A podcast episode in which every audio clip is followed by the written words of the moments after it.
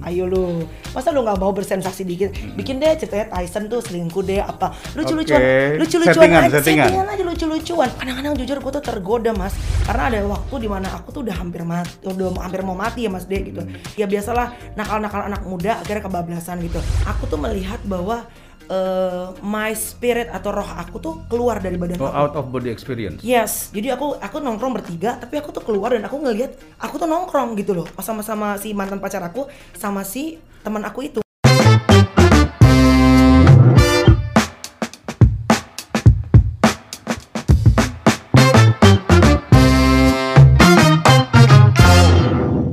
Halo guys, salam dan jumpa kembali bersama saya Dede Yusuf dan kali ini saya kedatangan tamu yang luar biasa ya. Orang ini kenapa saya undang ke sini karena beliau ini adalah orang yang selama belasan atau mungkin sudah puluhan tahun terjun di dunia broadcast, mengalami jatuh bangun dan sekarang salah satu orang dengan vlog-vlognya yang sangat unik dan sangat menarik. Melanie Ricardo. Mas Dede Yusuf. Aduh, apa kabar Mel? Puji Tuhan, alhamdulillah sehat mas. Oke, luar biasa Ya. sekali Melanie. Yes. Jadi Melanie udah datang ke sini dan Yep. eh, beliau ini sangat seka- memperhatikan sekali masalah eh, protokol kesehatan ya sehingga hari ini saya nggak bisa buka masker karena Melanie juga eh, iya, tetap memakai masker. Saya juga sudah menyiapkan ini. Prokesnya oke loh di sini Ada- loh, ya kan? Kita sudah antigen Siap. ya, masing-masing sudah antigen, sudah swab. Benar, jadi benar, semua benar. kita lakukan sesuai dengan prokes. That's very good. Thanks for having me mas. Thank you. Yes. So, saya manggil Melanie sebagai Melanie atau Agnes? Me- wow, you're doing your research nih keren nih. Jarang-jarang seorang interviewer tuh sudah melakukan researchnya.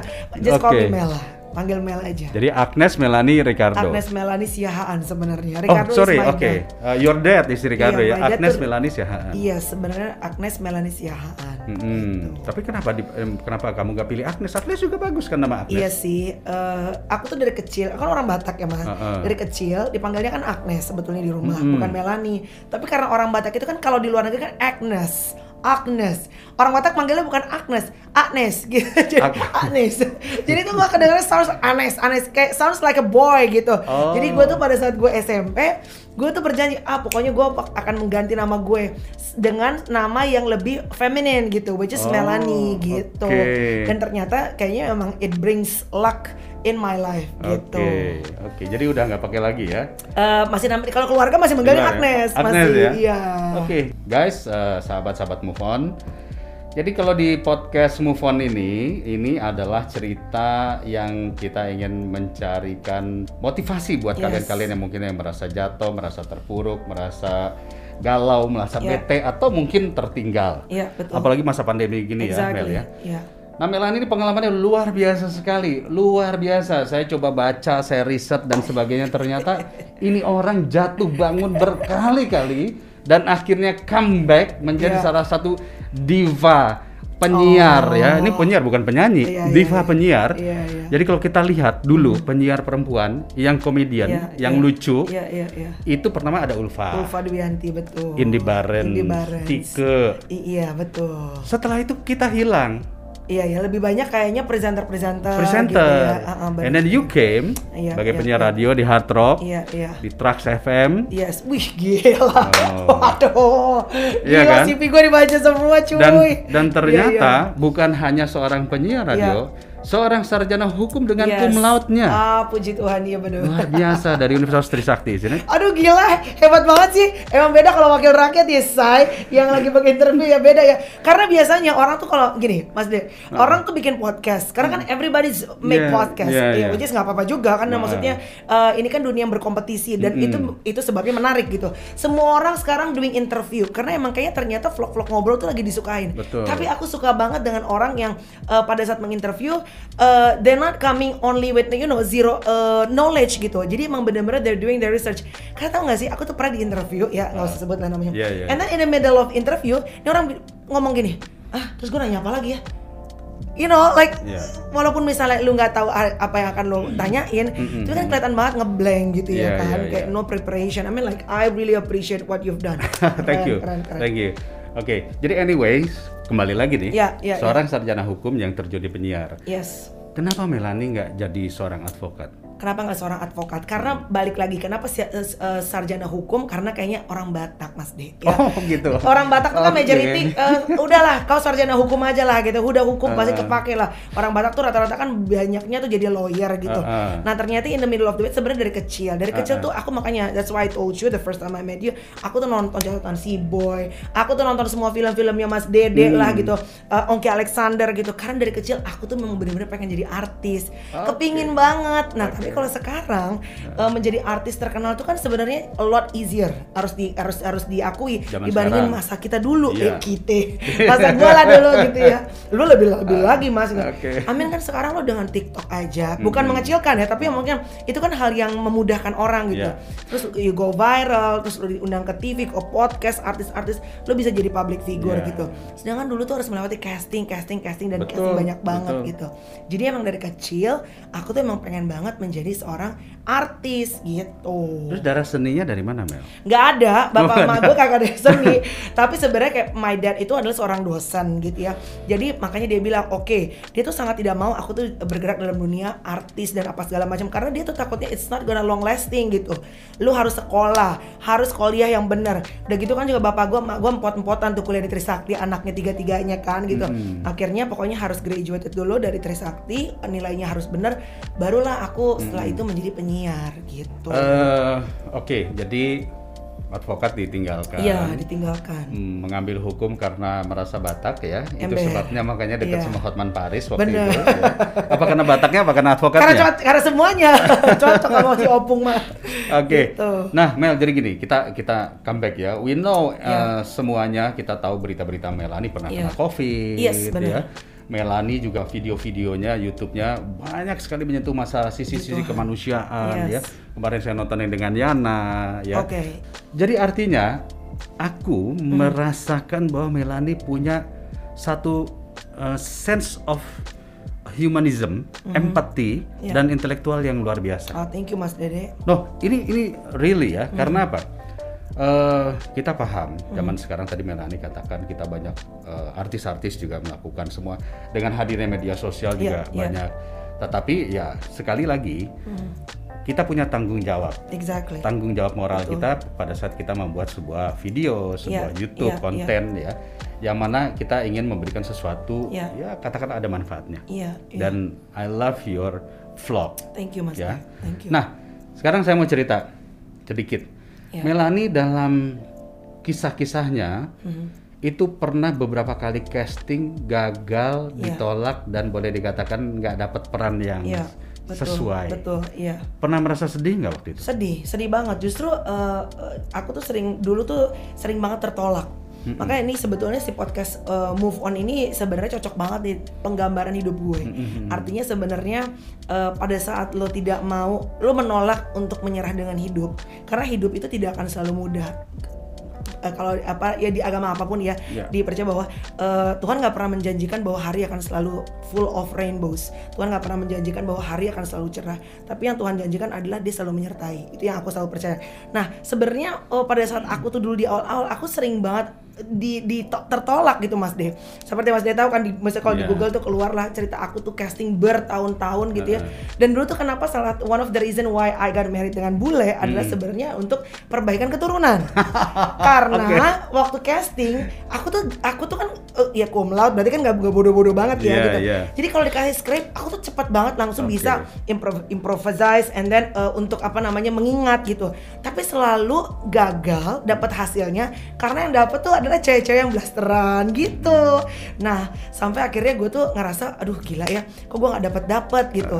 Oke, kalau gitu nanti kalau gue udah dewasa gue pengen menikah dengan bule supaya anak gue jadi cewek-cewek blasteran gitu. Jadi itu pembalasan dendam gitu. Oke. Jadi sebenarnya emang benar sih apa namanya kalau dibilang sering tertolak yes moving on yes gitu Eh, ya karena everything it depends on us ya kan? Ya. nggak ada yang bisa nolong kita sendiri selain ya diri kita gitu loh. Tapi itu yang membuat akhirnya Melani loncat ke penyiar radio atau gimana?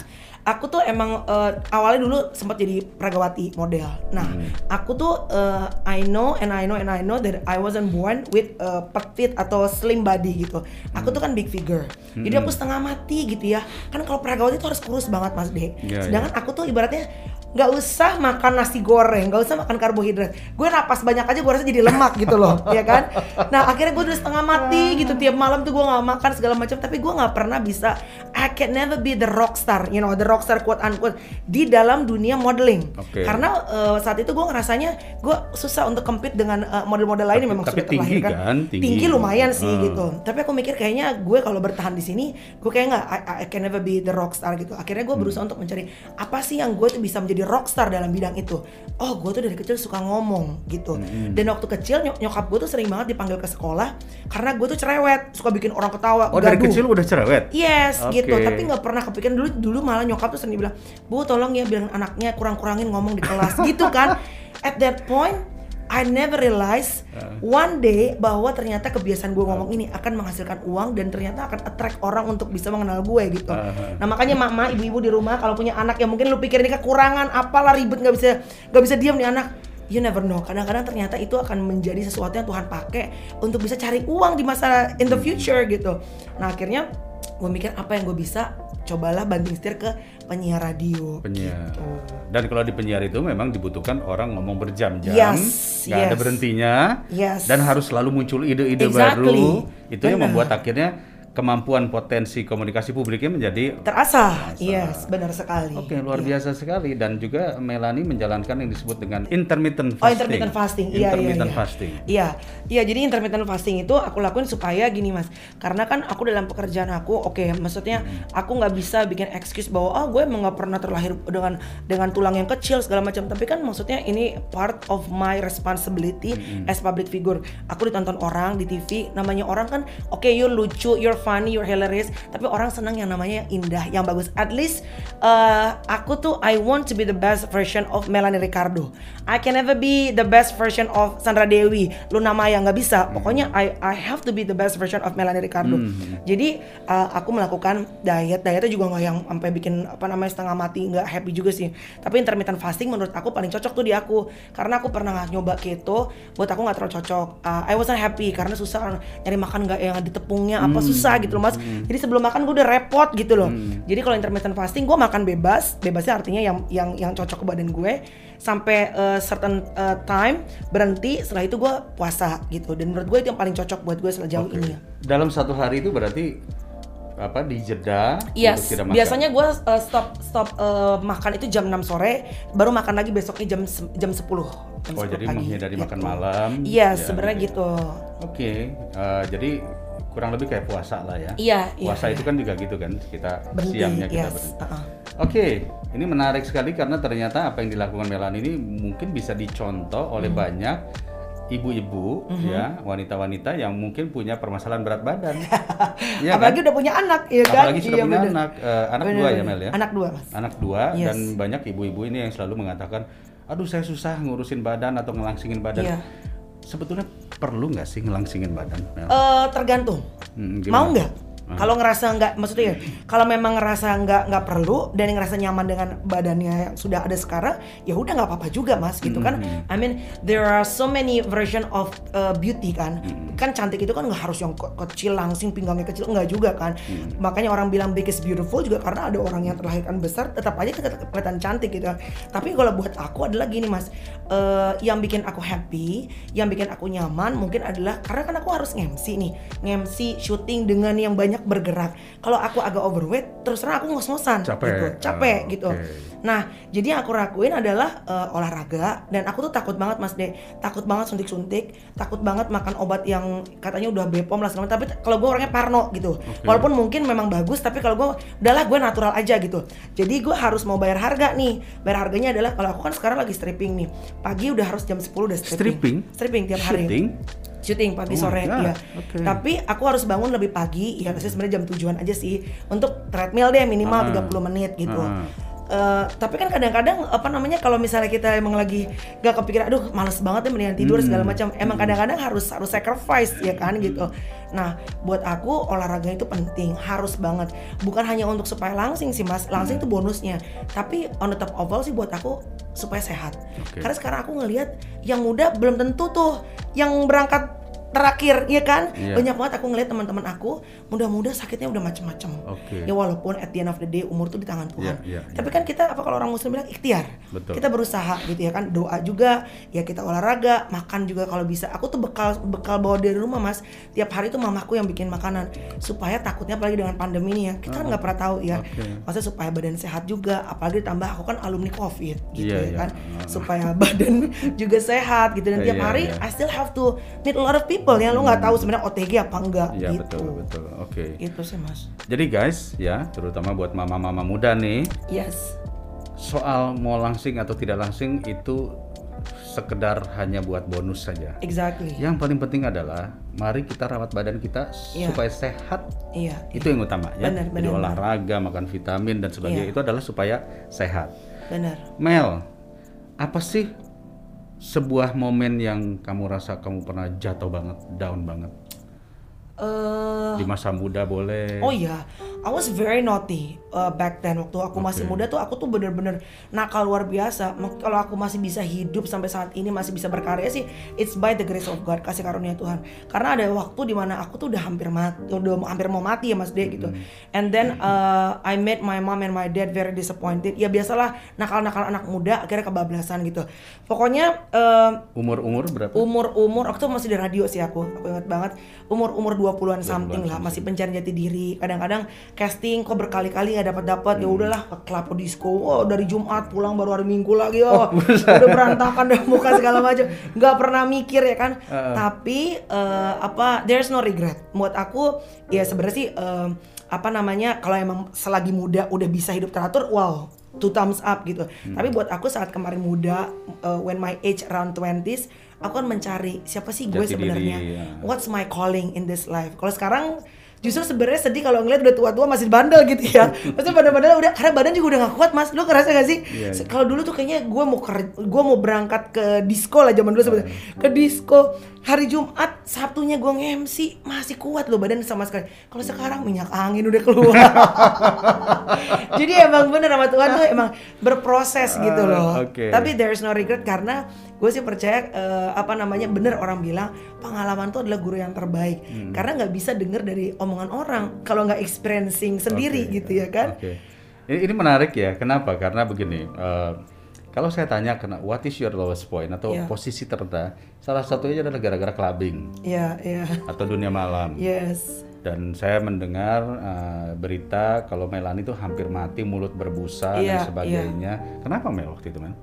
eh kayaknya ya you know lah what happened Oke. right I went to the disco and then uh, one thing lead to another and it was too much badan aku tuh ternyata kayaknya tidak mampu untuk mengendalikan. Tapi sebetulnya eh, yang paling terberat adalah bukan saat mulut berbusa. Karena saat mulut berbusa itu aku ke rumah sakit ditolong dikasih infus Masih sadar? sadar. Tapi uh, pada saat itu aku udah nggak bisa berdiri. Jadi kan duduk di mobil. Oke. udah nggak bisa berdiri. Jadi pas berhenti di rumah sakit itu langsung pakai kursi roda gitu. Dan aku ngomong dengan jujur kepada dokternya gitu. Uh, what things happen gitu. Karena aku takutnya adalah diberikan obat yang kontradiktif Oh, Oke, oke. eh, bisa jadi lebih buruk gitu kan.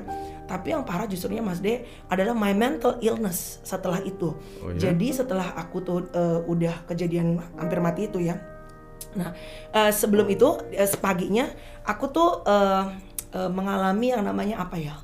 Probably almost that experience. Sebelum kejadian aku yang mulut berbusa itu itu kan sore sore ya. Hmm. Paginya gitu eh, aku ngumpul bertiga sama my ex boyfriend sama temen juga nah itu nggak tahu halusinasi nggak tahu gimana aku tuh melihat bahwa eh, my spirit atau roh aku tuh keluar dari badan Oh, aku out of body experience. Yes, jadi aku aku nongkrong bertiga, tapi aku tuh keluar dan aku ngelihat aku tuh nongkrong gitu loh, sama-sama si mantan pacar aku, sama si teman aku itu. Kamu lagi sakit pada saat itu? No. Oh, jadi- kita abis abis uh, dari klub gitu. Makanya aku bilang mungkin halusinasi nggak tahu segala Ah. macam.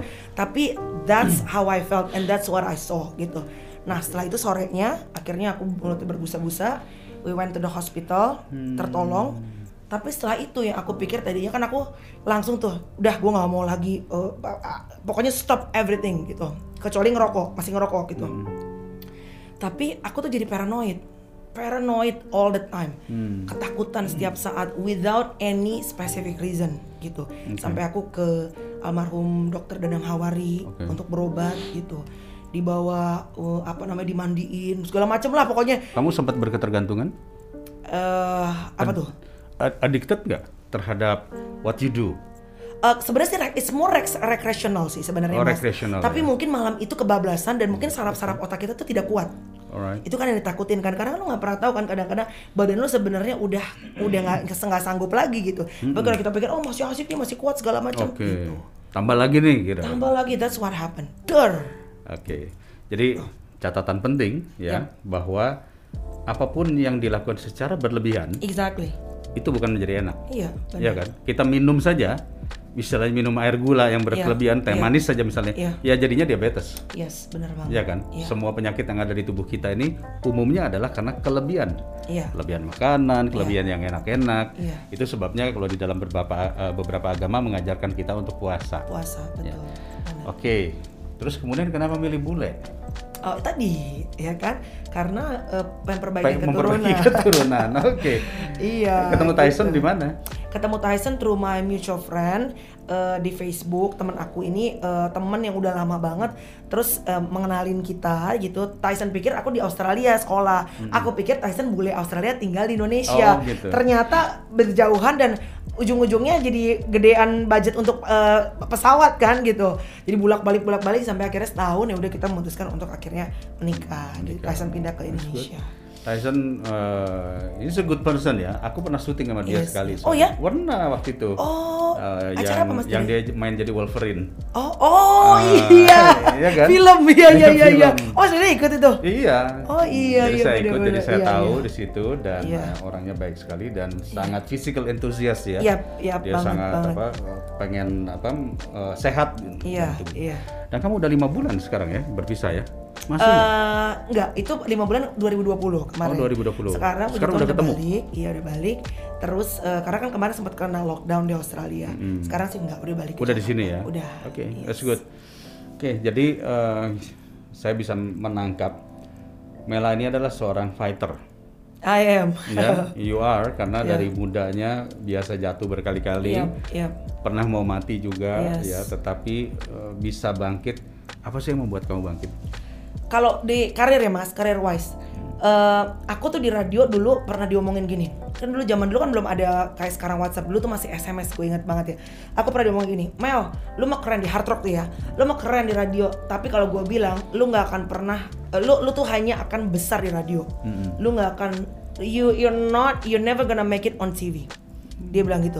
Kenapa? Karena dulu zaman dulu Mas De, pas pada saat gue mulai masuk TV, itu TV mencarinya adalah cewek tuh harus yang kurus, putih, langsing, rambutnya panjang. Harus gitu mulu. Sedangkan gue teh dulu ya Allah, udah tomboy, rambutnya cepak, warna-warni segala macam. Pokoknya bener-bener berbeda dengan mainstreamnya cewek-cewek yang dicari. Kalau sekarang kan kayaknya makin yang unik, makin menarik kan Iya, gitu. iya. Zaman dulu tuh nggak stereotype yang dicari gitu. Iya, betul. Jadi eh, pertama gue dapat rejection banyak sekali dari TV dan banyak sekali juga orang-orang di radio yang saat itu juga eh, apa ya look down on me. Sebenarnya mungkin bukan look down ya, tapi maksudnya well it's their right to give their opinion kan gitu. Tapi kadang-kadang lo nggak pernah tahu bahwa apa yang kita ucapkan ke orang lain menurut kita itu kan lucu-lucuan doang. Tapi ternyata itu menorehkan luka buat orang lain. Tapi di gue nih, kalau gue diomongin begitu, itu tuh oke, gue terluka pasti gitu ya. Maksudnya dikecilkan orang tuh kan it's not a good feeling. Tapi buat gue it's a fuel, itu bahan bakar. Oke, oke. Bahan bakar untuk supaya membakar gue, supaya pada saat gue almost give up, karena banyak banget teman-teman gue mas dari radio yang pengen pengen of course dari dulu radio tuh banyak banget orang-orang yang menganggap radio sebagai stepping stone untuk masuk TV. Banyak banget in the middle of the way akhirnya mereka memutuskan untuk no udah deh selesai gue nggak mau lagi pursue my dreams on TV nggak apa-apa karena mereka juga ngerasa bahwa TV itu kan uncertain nggak nggak nggak pasti Iya, iya. iya. tergantung rating dan share Iya. dan apalagi kalau sebagai kepala keluarga nggak bisa susah banget kan kalau hidup kita tergantung banget dengan sesuatu yang tidak pasti jadi banyak yang akhirnya cabut bisnis dan segala macam Oke, gitu nah gue tuh termasuk yang ngotot udah gue terus jalan Oke, gitu oke. Oke, luar biasa sekali. Ini catatan penting ya bahwa hinaan ataupun kritikan jadikan bahan bakar exactly untuk kita maju, untuk Yap. kita menggali potensi Iya. diri ya. Jadi ingat guys ya, jadi kalau ada yang mengkritik kamu, ada yang mengatakan ya kamu gendut lah, kamu jelek lah, kamu begini, Iya. kamu begitu, jadikan itu adalah bahan bakar. ya Jangan dijadikan itu sebagai dendam lalu akhirnya jadi galau, Jangan. jadi bete, merusak diri sendiri. Justru harus menjadi move on. Iya. Iya kita kan? galau, kita dendam, kita kesel. Orangnya udah nggak mikirin kita. Nggak mikirin kita, kita. sendiri yang ribet. Akhirnya kita yang dapat penyakit hati. Buat apaan, ya kan? Nah, Gitu. jadi sekarang pertanyaan saya adalah kalau di media sosial Iya. Bagaimana? Kan netizen itu kan Iya. kadang-kadang kalau mengkritik Iya, gila-gilaan, Mel. iya. Saya nggak, saya Mas Dede boleh cek. Saya nggak pernah berantem sama netizen, nggak pernah. Hmm. Kalau saya nggak suka, misalnya saya foto, pasti ada lah yang komen macam-macam segala macam.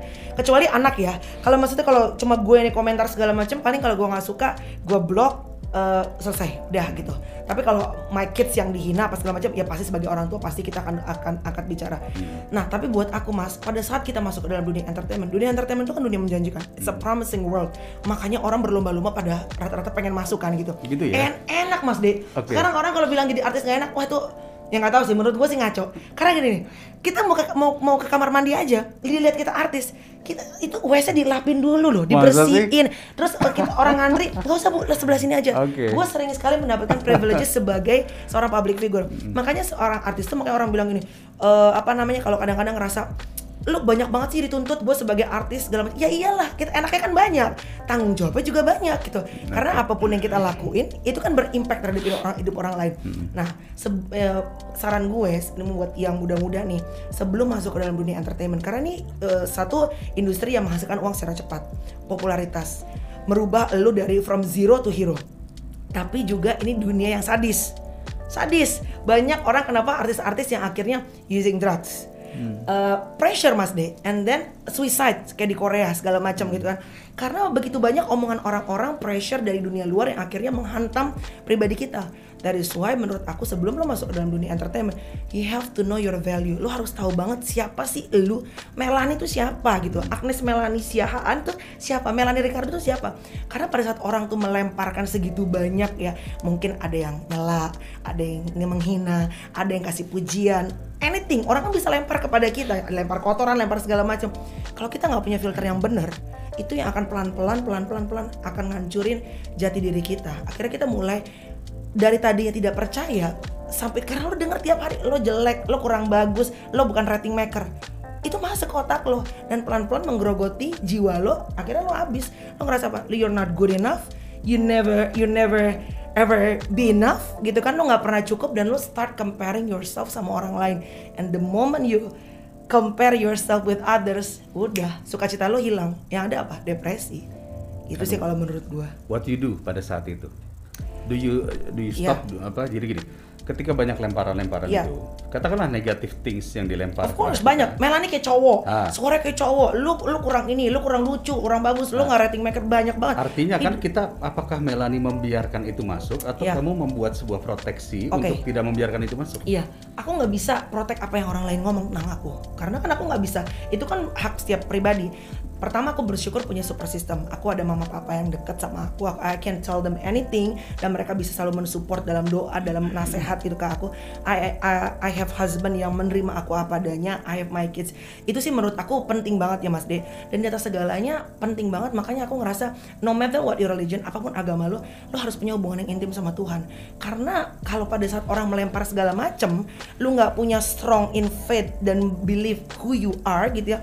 Akhirnya itu kan bikin kita hancur. So everyday misalnya orang hari ini bilang, kamu tadi kurang bagus deh, lu nggak bisa gini. Kayak misalnya ya, di tengah orang bikin cerita eh, mengenai apalah gitu yang, you know lah, yang lucu-lucuan gitu. Aku tuh kan nggak punya cerita apa-apa mas kehidupanku kehidupan ya 11 tahun hampir 11 tahun eh, menikah begitu aja nggak menarik gitu loh Maksudnya kalau untuk dijual nggak ada sensasi Nggak ada. gitu. Kadang- Ah, padahal- sekalinya sensasi kena covid. Covid doang. itu baru app nih. Karena harus diakui Mas, YouTube gue yang cerita kehidupan rumah tangga kagak ada yang nonton. Begitu Covid, penyakit apa segala macam, dung dung dung. Gitu Karena ya? people love something yang sensasional gitu. Nah, terus gue kan mikir gini Mas Dem, gila gue teh apa gitu menjual bakat talenta doang ini susah. nah, di tengah-tengah itu dunia kan menghadir me- menawarkan banyak hal. Ayo lu, masa lu nggak mau bersensasi dikit? Bikin deh ceritanya Tyson tuh selingkuh deh apa? Lucu-lucuan, lucu-lucuan Settingan, aja, settingan. settingan aja lucu-lucuan. Gue I have nothing against orang yang settingan ya. Ini balik lagi ini pilihan hidup masing-masing berbeda-beda. Eh, bikin deh dikit biar seru. Kadang-kadang jujur gue tuh tergoda mas.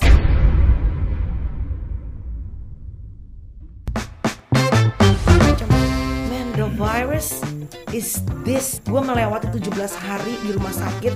Vena gue sampai semua bengkak-bengkak sampai kali tusuk-tusuk terus kan mas dek. Man the virus is this. Gue melewati 17 hari di rumah sakit vena gue sampai semua bengkak-bengkak sampai kali tusuk-tusuk terus kan mas dek dan aku ngerasa kayaknya uh, aku tuh pengen pengen ya maksudnya ini harapanku adalah kalau boleh gitu aku tuh bisa sukses dalam berkarir tapi juga aku bisa sukses juga dalam rumah tangga gitu artinya bukan cuma sukses di luar tapi juga sukses untuk keluarga gitu Pilih orang Indonesia apa bule? boleh lah Oh, oke deh.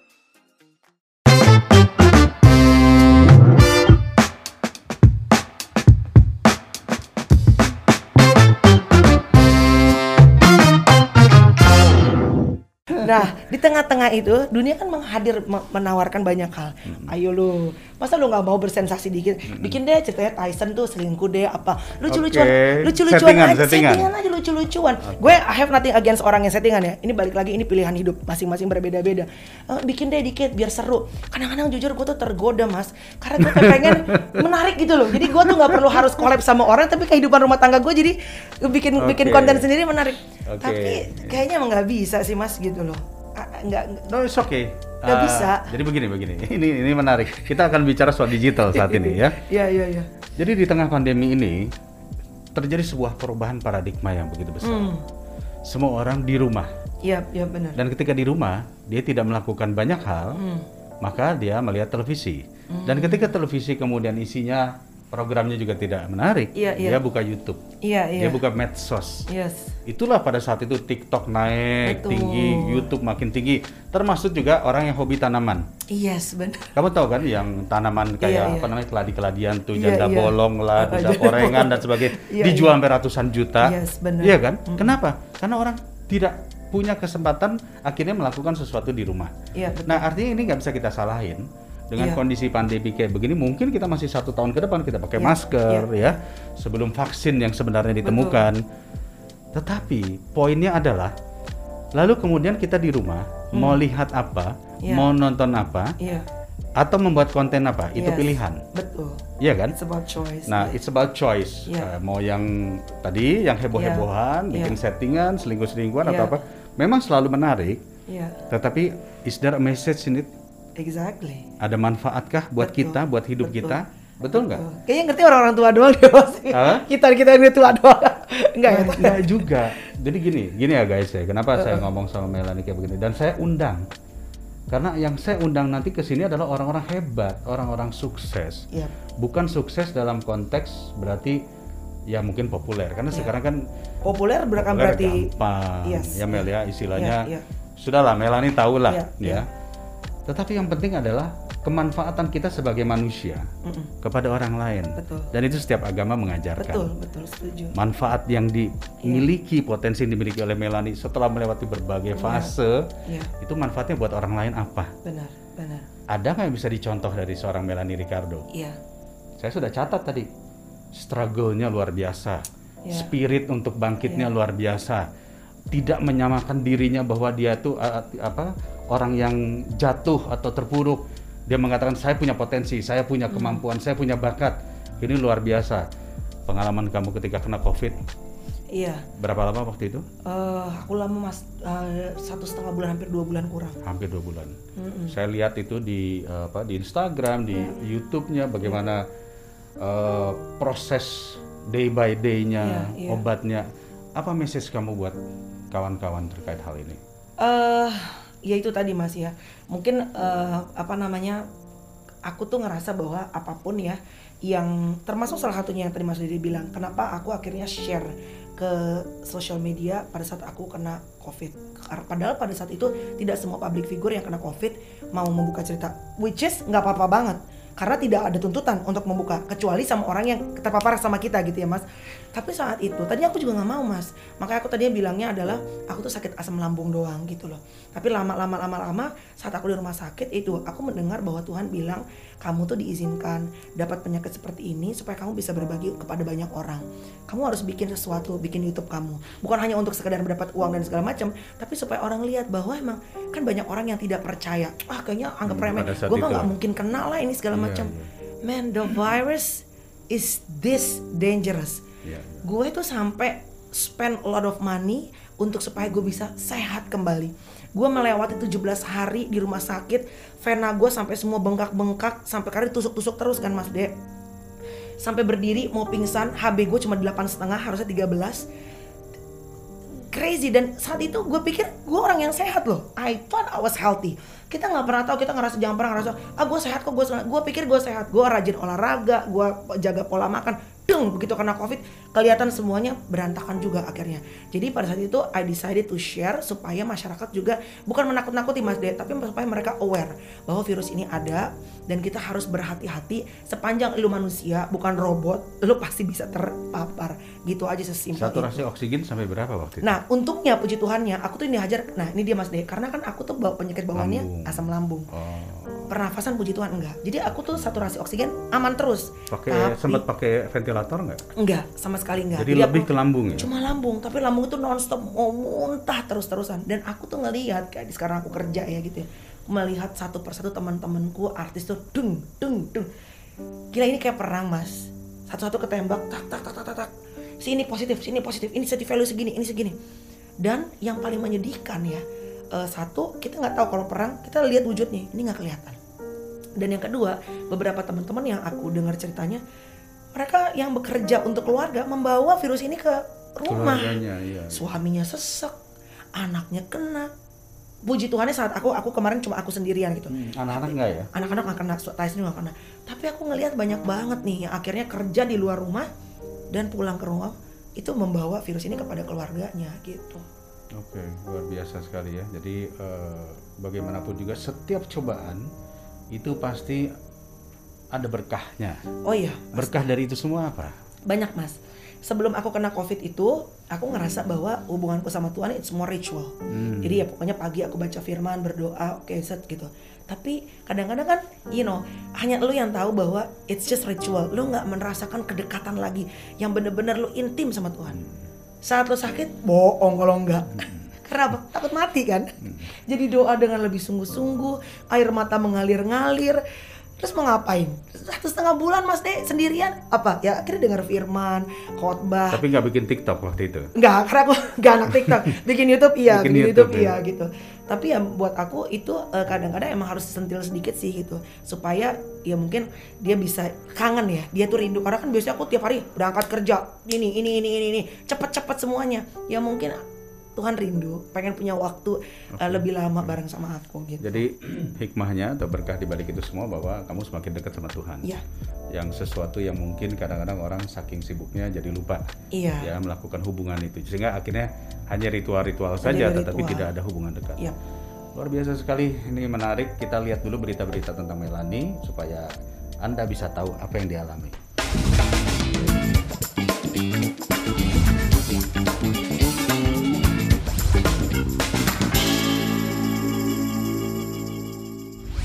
Oke, berita-berita Melani luar biasa, inspirational sekali ya. Amin. Dan Mel, saya Ya. pengen tanya langsung ya. Ya. Kenapa kamu memilih akhir-akhir ini membuat vlog yang sisi humanismenya sangat kuat? Oke, balik lagi sih Mas De. Sebenarnya aku tuh bikin vlog itu juga eh, salah satu panggilan Tuhan Hmm. dalam dunia entertainment. Jadi eh, gini, apa ya kalau di eh, menyebarkan kebaikan ya sebenarnya Mas gitu. Oke. Tapi kalau misalnya kita menyebarkan kebaikannya dengan kita kayak ya aku tuh misalnya aku ya, aku kan bukan penceramah ya gitu, bukan eh, pendeta gitu. Terus aku tuh misalnya share sesuatu yang terlalu serius lah gitu. Sedangkan aku tuh kan komedian. Orang kan ekspektasinya pasti ah nggak lucu nih Melani ditinggalin gitu. Jadi aku tuh berpikir gini, gimana ya caranya menyebarkan hal yang baik tapi dengan balutannya entertainment gitu. Jadi misalnya aku mengundang nih bintang tamu yang tetap tapi aku milih sih Mas sama kayak Mas Dede. Tidak semua yang viral, yang lagi heboh itu aku undang. Enggak. Tergantung dia viralnya kenapa dulu gitu. Bisa nggak nih aku mendapatkan value baik yang bisa aku share. Hmm, Kalau misalnya eh mohon maaf banget misalnya viralnya yang ngaco-ngaco deh. Misalnya nggak ngatain orang teriak-teriak kata-kata kasar. Aku nggak akan undang. Walaupun mungkin kalau eh, kita undang tuh itu sebenarnya bisa naikin subscribers kita banget. Tapi aku nggak mau gitu loh. Udah jutaan masa mau naik lagi? ya kan namanya orang nggak pernah puas. Jadi eh, sama kayak Mas Dede eh, I'm being selektif juga dengan tamu yang aku pilih gitu. Oke. pokoknya tamu ini sebisa mungkin harus value-nya sama dengan niatan aku. Tujuan aku Hmm. bikin eh, apa namanya YouTube. Nah Ya. yang kedua apa namanya eh, apa pun agamanya, sebenarnya dalam YouTube aku tuh aku pengen share mengenai gimana sih hubungan manusia dengan Tuhan gitu. Oke. Mau Muslim, mau Kristen, mau Hindu, mau Buddha gitu. Tapi dengan balutannya adalah kita bercanda, ngobrol, entertainment. Jadi orang tuh nyantai, nonton, oh ini orang ngobrol berdua. Tapi pelan-pelan kita memasukkan nilai-nilai mudah-mudahan good value buat orang yang nonton. Ya ya, jadi sebetulnya secara tidak tidak langsung Melanie ingin menyampaikan you are a very spiritual person. Lumayan sih, bukan Mas. Nggak- bukan religion person, tapi Iya, iya. spiritual. Iya, iya. Karena kamu pernah melewati sebuah proses di mana kamu akhirnya menjadi sangat dekat dengan Tuhan. Iya. Dan kamu ingin juga menghadirkan orang-orang yang punya kedekatan sama Tuhan Yes. tanpa harus berbicara tentang Betul, sisi label ritualnya betul. gitu kan Yes, ya. benar, Makanya benar. bisa sambil bercanda. Sebetulnya Iya. eh, move on ini actually kalau Iya. dari bintang tamu yang saya Iya. undang rata-rata itu menemukan arti hidup. Ya, Itu yang membuat mereka bangkit dan arti hidup itu selalu dikaitkan sama Tuhan. pasti. Pasti, Pasti, gitu. yes, Jadi, benar-benar. Di sinilah tempatnya kamu bisa Iya, cerita juga. Betul. ya. Experiences-nya mungkin bisa berbeda-beda. Tantangannya bisa berbeda-beda. Tapi ujung-ujungnya pasti kembali pada our creator, ya Iya. kan? Benar. Betul sekali. Nah, apa yang membuat kamu bertahan sekarang menikah sama bule? Eh, Di tengah berbagai perbedaan ya, mungkin perbedaan budaya, Iya. perbedaan macam-macam. many things mas gitu ya. Apalagi dalam kalau mungkin dari segi pergerakan karir aku lebih cepat dibandingin Tyson dalam 11 tahun ini of course karena kan aku menggunakan bahasa ibu. Tyson kadang-kadang kesulitan dalam pekerjaan karena kan bukan bahasa dia gitu. Banyak banget mas dia tantangannya. Aku juga sempat share di vlog aku. Tahun lalu kami menghadapi badai pernikahan cukup besar. Aku beberapa kali sebenarnya memutuskan pengen eh, menyudahi juga. Banyak kok couple of times juga gitu. Apa yang bikin aku bertahan ya? Satu pasti eh, aku bikin janji ya. Janji bukan cuma sama kita berdua tapi janji kepada Tuhan bahwa kita akan sehidup semati walaupun menjalaninya dengan air mata dengan ibaratnya berdarah-darah lah gitu ya kuat unquote gitu. Dan yang kedua aku tahu apa pun keputusan yang aku buat bukan hanya akan eh, mempengaruhi hidup aku sama Tyson tapi ada dua manusia nih yang hidupnya Anak. akan terpengaruh Chloe sama Courage gitu. Nah salah satu pendetaku pernah bilang ada beberapa dalam hidup ini yang eh, saat kita membuat keputusan saat kita berhenti di tengah-tengah atau kita memutuskan untuk putar balik bisa aja tapi bisa um, it could cause damage untuk beberapa orang untuk banyak orang. Misalnya saat seorang pilot misalnya dia kasih analoginya saat seorang pilot itu take off dia inget dia lupa sesuatu di belakang gitu. Kalau dia balik lagi muter begitu banyak orang yang pasti akan ibaratnya menanggung akibatnya gitu Nah, analoginya mungkin dalam rumah tangga ya, Mas. Sebenarnya kalau ngikutin daging, banyak kok waktunya aku juga pengen sebenarnya ngerasa eh, aku bisa ngejalanin eh, apa namanya hidup tanpa suami gitu ya. Dan PR aku tuh karena aku kan alpha female. Di di TV aku kebiasaan suka ngatur segala macam. Saat pulang, aku itu punya PR untuk bisa submit patuh kepada suami. Susah gitu. Itu PR banget buat aku karena aku tuh orang dominan. Alpha gitu. Maunya tuh ngatur gitu. Sedangkan dalam rumah tangga kan aku harus mau diatur. Ya mungkin nggak all the time sam- sama-sama. Tapi eh, apa namanya? Perintah Tuhan adalah harus submit sama suami dan itu that's my homework. Itu PR aku karena Bisa susah. dilakukan. Not all the time bisa. menjadi seorang ibu rumah tangga. Eh, ibu rumah tangga sih mungkin dalam arti gini mas kalau ngurus anak setiap hari oh, Bisa. jujur aja enggak ya enggak, enggak, enggak. kalau sama suami sebisa mungkin saat aku punya waktu spend time sama dia gitu karena yang aku belajar nih mas de kadang-kadang emang bener ya kayak aku suka nanya mas dia udah nikah berapa lama 20 tahun aku Oke. selalu setiap ketemu sama orang aku tanya apa sih resepnya aku tuh penasaran pengen tahu gitu Apa sih gitu? apa sih yang bikin nih orang bisa bertahan apa pun deh alasannya gitu tapi buat aku saat dua orang bertahan Hmm. tidak menyerah di tengah jalan apa pun alasannya gue sih angkat topi gitu Oke. karena banyak banyak hal yang bisa bikin kita sebenarnya nyerah kan gitu loh Iya, iya. either itu bu- reasonnya buat anak-anak kek alasannya Oke. apa kek gitu loh Ya, kalau kamu mau tahu dari, Apa? Mau tahu dari saya? Yes, please. Undang dong ke podcast kamu. nanti dong nanti ini ini kan soalnya tentang Iya, iya, iya, iya, iya, iya. Iya, Oke, jadi jadi begini, eh, ini penting saya sampaikan. Ada momen yang berharga. Iya Jadi banyak wanita zaman sekarang Hmm. itu adalah wanita mandiri, Yap. wanita bekerja, Betul. Hmm. wanita yang punya jabatan, punya posisi. Dan biasanya ketika wanita punya posisi, punya jabatan, itu punya eh, tadi dominan. Yap. Ada satu keakuannya yang Ya. membuat dia ketika pulang berhadapan sama suami, apalagi suami penghasilannya mungkin lebih rendah. Iya, betul. Itu akhirnya timbullah tadi Iya. konflik of interest atau Yes. konflik of dominance. Yap. Sementara salah satu eh, apa ya kalau dikatakan eh, budaya kita sebagai seorang suami istri Ya. biasanya istri itu yang melayani Ya. kepada suaminya dalam konteks melayani itu tentu ya kalau biasanya kalau suami pulang itu adalah yang makanan apa menyiapkan ya. makanan gitu ya jadi eh, kamu lakukan itu enggak menyiapkan makanan? Enggak. Enggak lah. Kalau grocery belanja bulanan iya. Milihin ini apa ya? Tapi kalau masak enggak honestly oke. dan untungnya mas emang dasar ya bener-bener ya. Emang kayak Tuhan tuh tahu ya emang gue tuh nggak model yang ngelayanin ya aku dapetnya juga laki yang bule yang makan juga makan sendiri berangkat kerja juga ngurus baju sendiri gitu kebayang nggak kalau gue kawin sama yang eh, apa yang laki maunya harusnya tuh dilayanin iya. Ah. pasti kan akan ada konflik of interest lagi Iya, gitu iya, suamiku tuh he doesn't mind karena dia tahu maksudnya ya karena di, di Australia juga nggak punya mbak nggak punya apa Oke, semua jadi sendiri. artinya artinya buat ini mama-mama muda yang Iya. nonton saat ini ya. Jadi bagaimanapun juga kadang-kadang walaupun kita sudah mandiri tetapi saling menghargai. yes Ya, kepada suami saling menghargai dan Hmm. kita tahu uh, dan suami juga yang kebetulan mungkin istrinya juga adalah orang yang berkarir Iya. ya. Jangan memaksakan istrinya juga harus menjadi seperti yang melayani terus-terusan. Iya. Justru kita harus saling mengakui bahwa oh ya ini dia mandiri, saya mandiri. Dua mandiri ini akan menjadi sebuah kekuatan, Iya. terutama buat anak-anak. Gitu kan ya? iya betul Oke, luar biasa ini catatan yang sangat bagus sekali dari Melani tentang kawan-kawan yang sedang berumah tangga. Nah, Mel ini sekarang kalau Ya. kita ngelihat di era digital ya Mel ya. Popularitas disebabkan melalui media sosial, melalui eh, tayangan-tayangan yang tadi kita sudah bicarakan. Tetapi juga popularitas itu mungkin bisa menghasilkan secara ekonomi, tapi juga mungkin malah menyebabkan sesuatu yang negatif. Iya. What do you think about it, Mel? Oke, ya makanya balik lagi tadi ya mas. Karena sebetulnya kalau orang pengen viral itu caranya banyak banget gitu.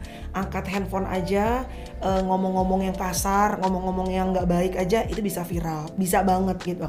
Tapi balik lagi sih sebenarnya kan kita nggak pengen cuma 15 minutes of fame. Kita kan kalau bisa pengennya kan punya eh, apa jenjang karir yang panjang. Makanya banyak yang kadang-kadang cuma viral sesaat, and then after that gone gitu kan. Aku sih pengennya pelan-pelan. Karena mungkin kalau kata Vicky Prasetyo nih mas, apa namanya proses itu tidak pernah membohongi hasil. Jadi ya makanya apa yang kita dapatkan melalui proses berdarah-darah dalam proses apa namanya mendapatkan apa yang kita inginkan gitu. Saat kita udah di atas kita tuh benar-benar bisa maintain dengan baik. Karena kita tahu saat kita ngeliat ke bawah wah gila perjalanan gue udah panjang banget sih. Begitu banyak hal yang udah ibaratnya gue korbankan juga gitu. Tenaga perjuangan ide dan segala macam. Dibandingin cuma sekadar mungkin dek langsung viral juga. Dan tadi eh, seperti Mas Dede bilang juga ya artinya apa pun juga pekerjaan kita itu kan sebenarnya is our responsibility to Tuhan to God ya at the end of the day saat kita kembali kan Tuhan akan tanya apa what, what have you done? Apa yang lo udah lo lakukan? Sebagai apa pun pekerjaan lo di dunia ini. Nah kalau buat aku sih aku pengennya on the last day for me at this earth gue bisa mempertanggungjawabkan apa pun on my vlog kek rumah tangga gue mudah-mudahan gitu ya mas ya.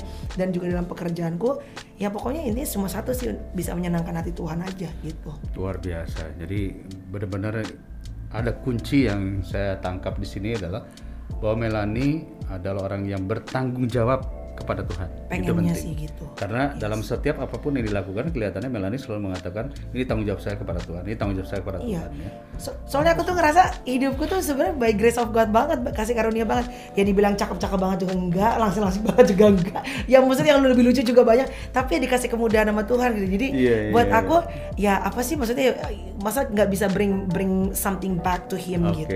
jadi bersyukur menjadi sesuatu hal yang penting Yes. bagi Melani karena apa yang diberikan ini adalah berkah dari Tuhan. Berkah banget Mas Berkah ya. gitu. Berkah banget. Luar biasa. Oke, Mel, ini Yes, sekarang Mas. saya punya pertanyaan yang perlu dijawab dengan cepat, Yap, oke. ya. Nggak nggak nggak sulit kok, Iya. gampang-gampang aja. Soal makanan nih. Oke. Beef teriyaki atau rendang sapi, Rendang sapi dong. alasannya apa? Gue mah suka I love Indonesian food. kalau cowok bule, kalau makanan Indonesia. Indonesian food. Yes, Indonesian food. Yes. Oke, bagus, bagus. Nah, kalau minuman, koktail apa mocktail? Cocktail. Kenapa? Kenapa? Tapi sekarang udah nggak bisa asam lambung coy. Makin tua makin nggak bisa. Coba jelasin Aduh. dulu bedanya koktail sama Koktail mocktail. kan ada alkoholnya, mocktail nggak ada. Oh, gitu. gitu ya? Kalau koktail dikit-dikit oke lah sebenarnya buat ya buat lu ngobrol-ngobrol sama teman-teman. Tapi sekarang kagak bisa mas. Nggak bisa ya, asam Uh, lambung ya? Asam lambung naik langsung. Oke. Kopi arabica apa robusta? Eh, Arabica. Hmm, Iya. Asem dong. Iya sih, tapi nggak tahu kayaknya lebih strong dan lebih sekarang aku juga lagi mau nyoba soalnya nih kopi hitam karena katanya kalau kayak aku kan I love latte, cappuccino segala macam. Oh, itu- Tapi itu cepet Nah, gue selalu bermasalah. Mendingan Kap- black coffee aja. Nah, gue lagi pengen nyoba nih Mm, makanya. black coffee Mas. aja, kopi Gitu. hitam ya. Yes. Kalau kopi hitam kalau bisa ya gulanya nggak usah terlalu Gak banyak. usah, iya. Aku juga nggak nggak pakai gula. Oke, tiramisu apa lapis legit? Eh, tiramisu sih. Kalau rendang Indonesia. Iya, iya, iya. Kalau kue Kalau tiramisu. cake gue suka sih yang kayak gitu-gitu. Itu kan manis. Gue tuh sweet tooth, suka banget makan manis-manis gue. Oke, oke. High heel apa sneaker? Eh, sekarang sneakers, dulu high heels. Kenapa? Aduh mas, sekarang suka naik betis. Udah capek ya? iya, udah pegel lah apa. Emang udah manual lah cuy, aduh. Kalau dulu harus high heels banget, sekarang Ah, sneakers. Oke, Yes. oke. Nah, sekarang gaun, halter dress apa maxi dress? Eh, wih, wah, pas dia ada pertanyaan halter dress atau halter dress? Yes. Halter dress. Yes. uh-uh. Oke, kenapa? Looks uh, sexier. Oke. Yes. Good, good, good. Rambut panjang apa pendek? Sekarang panjang. Iya, karena bisa dimacem-macemin gitu. kan. Sempat Bisa- pendek dulu ya? Iya, sempat pendek dulu lama. Hmm. Berenang apa bersepeda? Eh, berenang. Berenang. Yes, aku nggak ikut bersepedaan. Lari? Lari Ada di rumah ya? treadmill. Di aku rumah, semua tread- olahraga di rumah mas. Treadmill di rumah, berenang juga di rumah. Pokoknya semua di rumah. Luar biasa. Tapi nggak pakai sepeda. Nggak- kan ada sepeda, nggak. statis, sepeda statis gitu. Iya sih, kepikiran pengen beli itu belum ada yang endorse mas. treadmill juga treadmill endorsean. Oke itu ya dengerin tuh Yes. buat sponsor Tuh, sepeda tuh masuk. dua ya. Oke kalau liburan pilih villa apa hotel? Hotel. Kenapa nggak villa? Anak hotel gue mas, I'm a city girl. Gue tuh anak hotel. Wah. Gak bisa gue yang kayak, ayo kita kembali ke alam ini gak bisa. Kita camping, glamping gue bisa. You know glamping kan? Iya, iya, iya, I Jadi eh, camping tapi masih lebih lebih yang eh, eh, kalau camping masuk adventure kagak bisa gue mas. Kenapa? Gue I'm a city girl, gak bisa ke hotel. Gue tuh seneng yang rame apa gitu, apa Oke, namanya? Jadi nggak suka view-view yang pemandangan-pemandangan Eh, gitu. paling pantai doang sih. Tapi kalau yang kita terlalu adventure apa segala macam, kayaknya pedalaman enggak terlalu. Iya iya iya iya. Pudel apa samoye? Samoye. Kenapa? Lucu banget Samoye. Oke. Aku di rumah tuh punya, aduh nama anjing aku apa sih? Tapi pengen mau punya Samoye tapi A- Alaskan Malamut? eh, Samoye? bukan, bukan, aduh apa sih? Husky, husky? Shus, bukan husky mau gede. Oh. Ya, kecil kecil. Astaga. Saint Bernard? Pudel? Astaga, kesel banget. Yang gini-gini loh, Mas. Gini-gini loh. Packing, packing? Bukan, bukan, Mas, bukan. Eh, Chihuahua? Oke, skip aja Mas lupa. aduh, lagi-lagi udah tua ya, Bo. Oh, Anggora, Anggora. bukan, itu kucing. Oke oke oke. Ya ya. Pilih orang Indonesia apa bule? Bule lah. Oh, oke deh. Kan suami maksudnya Oh, iya, kan. iya. Heeh. Oke, tadi di depan ngomongnya katanya orang Indonesia. Gosip loh. Oke, jadi udah Yes. ini pertanyaannya sudah bagus sekali, udah dijawab sama Melani dan Ya. kalau sebenarnya pertanyaan ini, quick reaction ini sebetulnya juga untuk melihat bagaimana seseorang menghadapi sebuah proses tekanan. Hmm. Orang yang sudah biasa bangkit move Iya, on iya, itu iya. biasanya nggak akan tertekan. nggak akan ya oke nggak akan tertekan. Iya, iya, iya, Jadi iya. kalau dari sisi tes psikologi ini sudah lulus lah gitu. Aduh, Oke. amin. Oke, kita nanti kita Siap. terusin lagi kita minum dulu sekarang. Kita Alright. balik lagi ntar.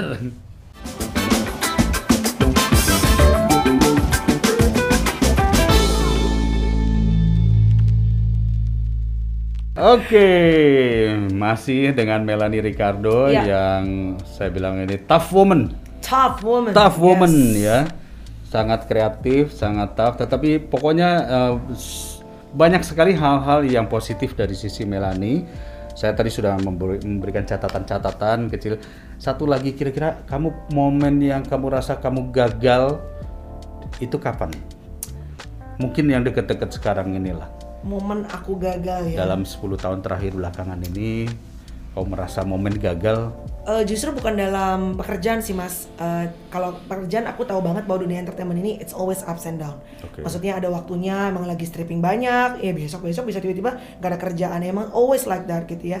Tapi yang aku ngerasa gagal tuh adalah tahun lalu yang aku bilang aku lagi ada uh, quite big storm in my marriage kan gitu. Aku ngerasanya dalam segi karir, oh gini, kan orang kadang-kadang suka kasih komen gitu, wah Kamelani sama Mas Tyson ya pak pasangan panutan Q, Kamelani panutan Q. Gue tuh paling takut deh diomongin gitu Mas Dede, karena kata panutan tuh serem gitu menurut gue. Sedangkan orang-orang ngeliatnya misalnya gini, eh, kalian berdua tuh selalu happy ya, itu kan sosial media. Iya, Lu iya. kan nggak tahu apa yang di dalam gitu. Oke. Jadi pada saat tahun lalu itu aku lagi banyak sekali uh, mungkin gesekan sama suami dan aku ngerasa kayaknya uh, aku tuh pengen pengen ya maksudnya ini harapanku adalah kalau boleh gitu aku tuh bisa sukses dalam berkarir tapi juga aku bisa sukses juga dalam rumah tangga gitu. Artinya bukan cuma sukses di luar tapi juga sukses untuk keluarga gitu.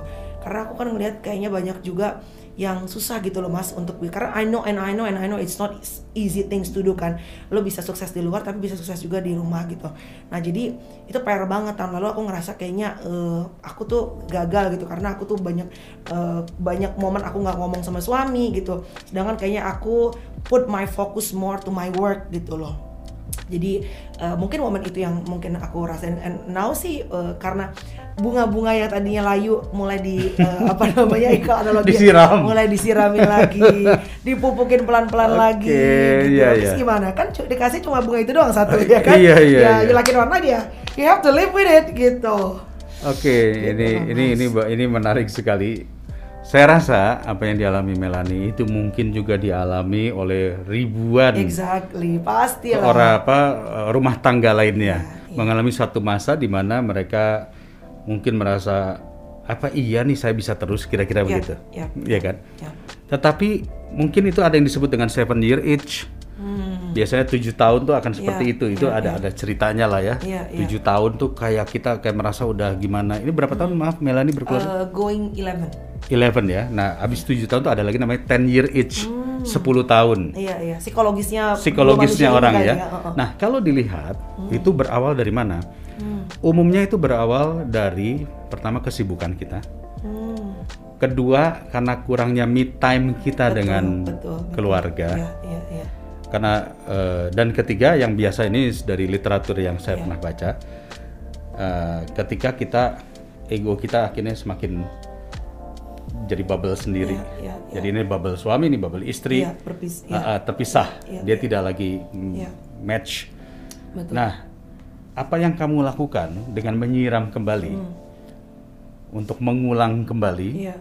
Jadi bukan perbedaan, yeah. tetapi mengingat persamaan yang pernah dilalui. Hmm. Itulah yang akan membuat rumah tangga akhirnya kembali menjadi lainnya lagi.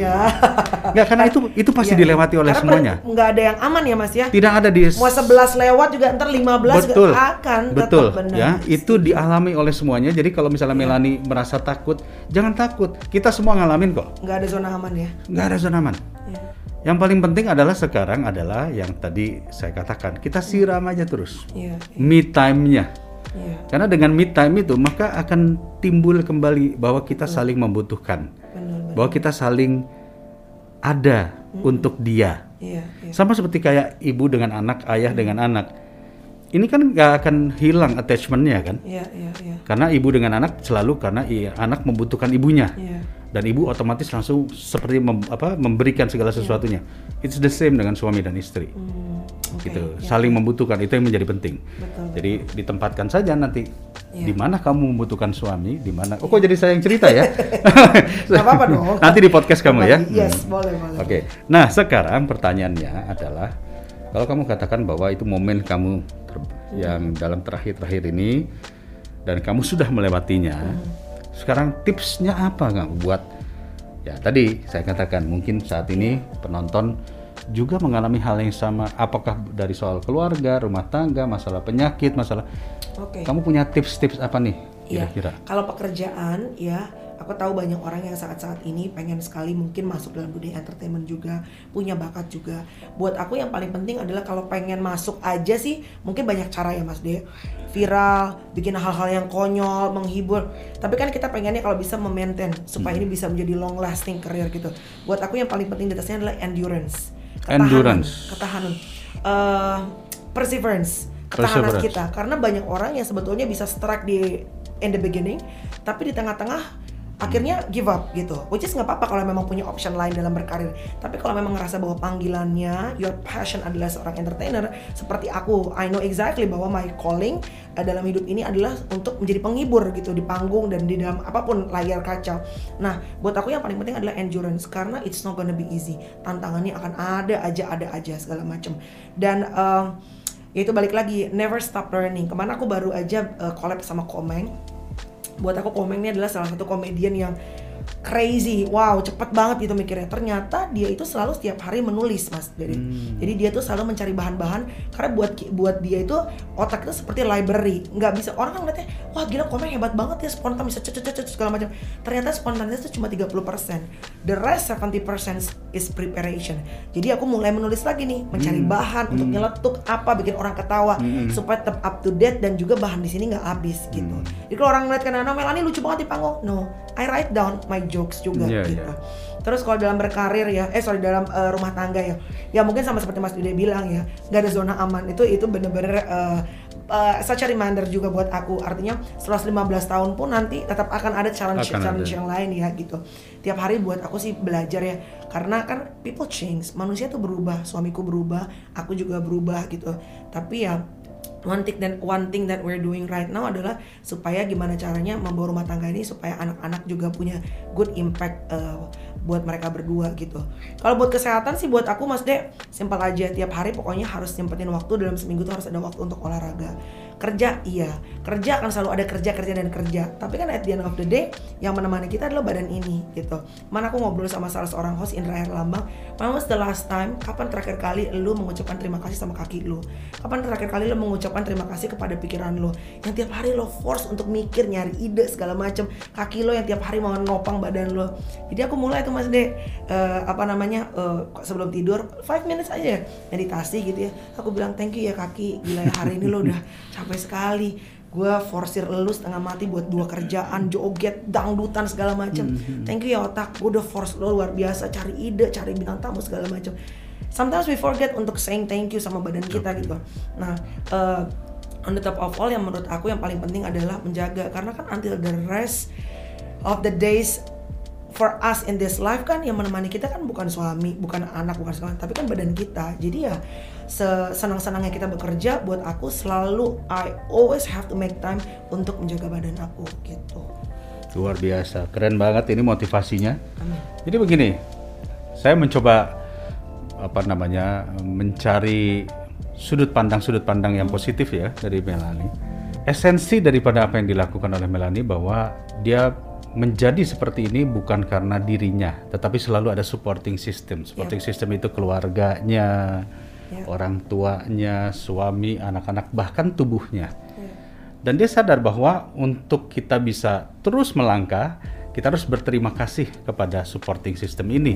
Dan supporting system terbesar kan sebenarnya the creator, Tuhan itu sendiri ya yang menciptakan kita. Jadi itulah yang menyebabkan tadi dikatakan kenapa Melani melakukan berterima kasih bahkan kepada kakinya, kepada tubuhnya. Sesuatu yang mungkin jarang sekali orang lakukan yaitu namanya step back. Mundur sejenak Iya.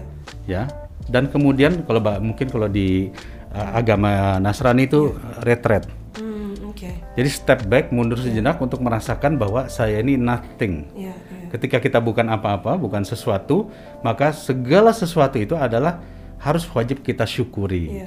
Nah rasa syukur itu dalam bentuknya Melani tadi adalah berterima kasih kepada lingkungan kawan saudara itu yang jarang kita lakukan mengucapkan terima kasih kepada orang-orang atau apa pun yang membantu kita dalam Yes, hidup ini Yes, benar banget. Artinya, secara tidak langsung apa yang dilakukan Melanie adalah mengurangi rasa sombong. Hmm, Karena biasanya kita merasa ah, gue bisa nih. iya, iya, iya. Itu kita sombong, kita kena sakit. Iya. Karena kita merasa bisa, Iya. merasa pede. Iya. Nah, pada saat kita step back, kita sadar bahwa oh kita bukan apa-apa. Iya, iya. Saat kita sakit bener. Ketika kita sakit, kita bukan apa-apa. Betul Mau ya? naruh duit juga tetapnya nggak bisa nyembuhin kita kadang-kadang ya. Bener. Jadi ini ini pengalaman yang luar biasa guys ya. Jadi tips dari Melani Iya. adalah sangat eh, baik sekali apalagi buat yang ingin menjadi artis, menjadi selebriti. Janganlah sekedar mencari viral, Hmm. tetapi lakukanlah dengan sebuah kegigihan tadi Iya. ya, dengan sebuah eh, endurance yang lama. Jadi bu- jangan terburu-buru pengen viral lah istilahnya ya. Jalani proses yang begitu panjang sampai akhirnya bisa menikmati seperti yang dilakukan Melani saat ini. Luar biasa Melani, terima Thanks kasih banyak ya. Insight-insightnya luar biasa. Amin, Jadi amin, amin. semua pemirsa bisa belajar dari seorang Melani Agnes Ricardo. eh kebalik Agnes Melani Ricardo. Ricardo ya yang sampai saat ini telah melewati proses yang jatuh bangun dan berhasil ya. Saya katakan berhasil dan semangatnya itu luar biasa sekali.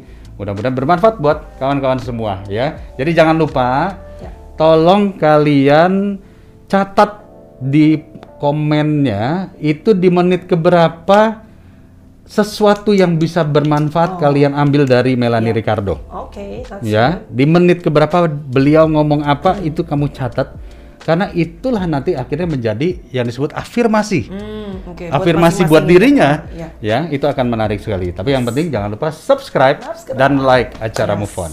Melanie, terima kasih Thank you, Mas Dede. banyak. Sehat selalu. Thank you Sama-sama sehat Dede. terus selalu. ya. Yes. Semoga tetap sukses Amin, dan ya Tuhan. tetap kita diberikan kesehatan semuanya. Amin. Terima kasih. Sampai ketemu. Salam. Bye.